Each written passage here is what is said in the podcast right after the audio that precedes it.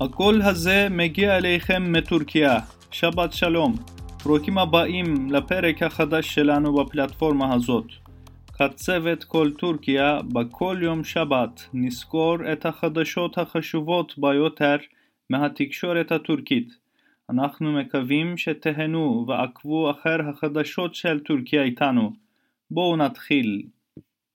הרשות לטכנולוגיות מידע ותקשורת קנצה 30 מיליון לירות עבור פלטפורמות מדיה חברתית כמו פייסבוק, טוויטר, יוטיוב וטיק טוק.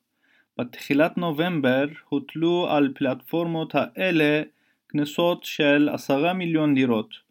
חברת המדיה האמריקאית נטפליקס החליטה לפתוח משרד באיסטנבול המנהל הכללי ריט הייסטינג בהצהרות בנושא אמר כי המשרד יתרום ליצירת הפקות נוספות בטורקיה. נשיא אזרבייג'אן אילהאם עלייב שינה את תאריך יום הניצחון שנקבע ל-10 בנובמבר ל-8 בנובמבר מכיוון ש-10 בנובמבר חפף את יום מותו של מוסטפא כמאל אטאטורק.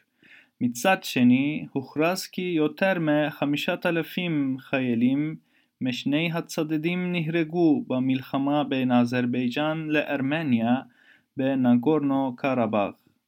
לפי הדוח שפרסם OECD, תחזית הגידול של הכלכלה הטורקית ב-2021 תהיה 2.9 אחוזים.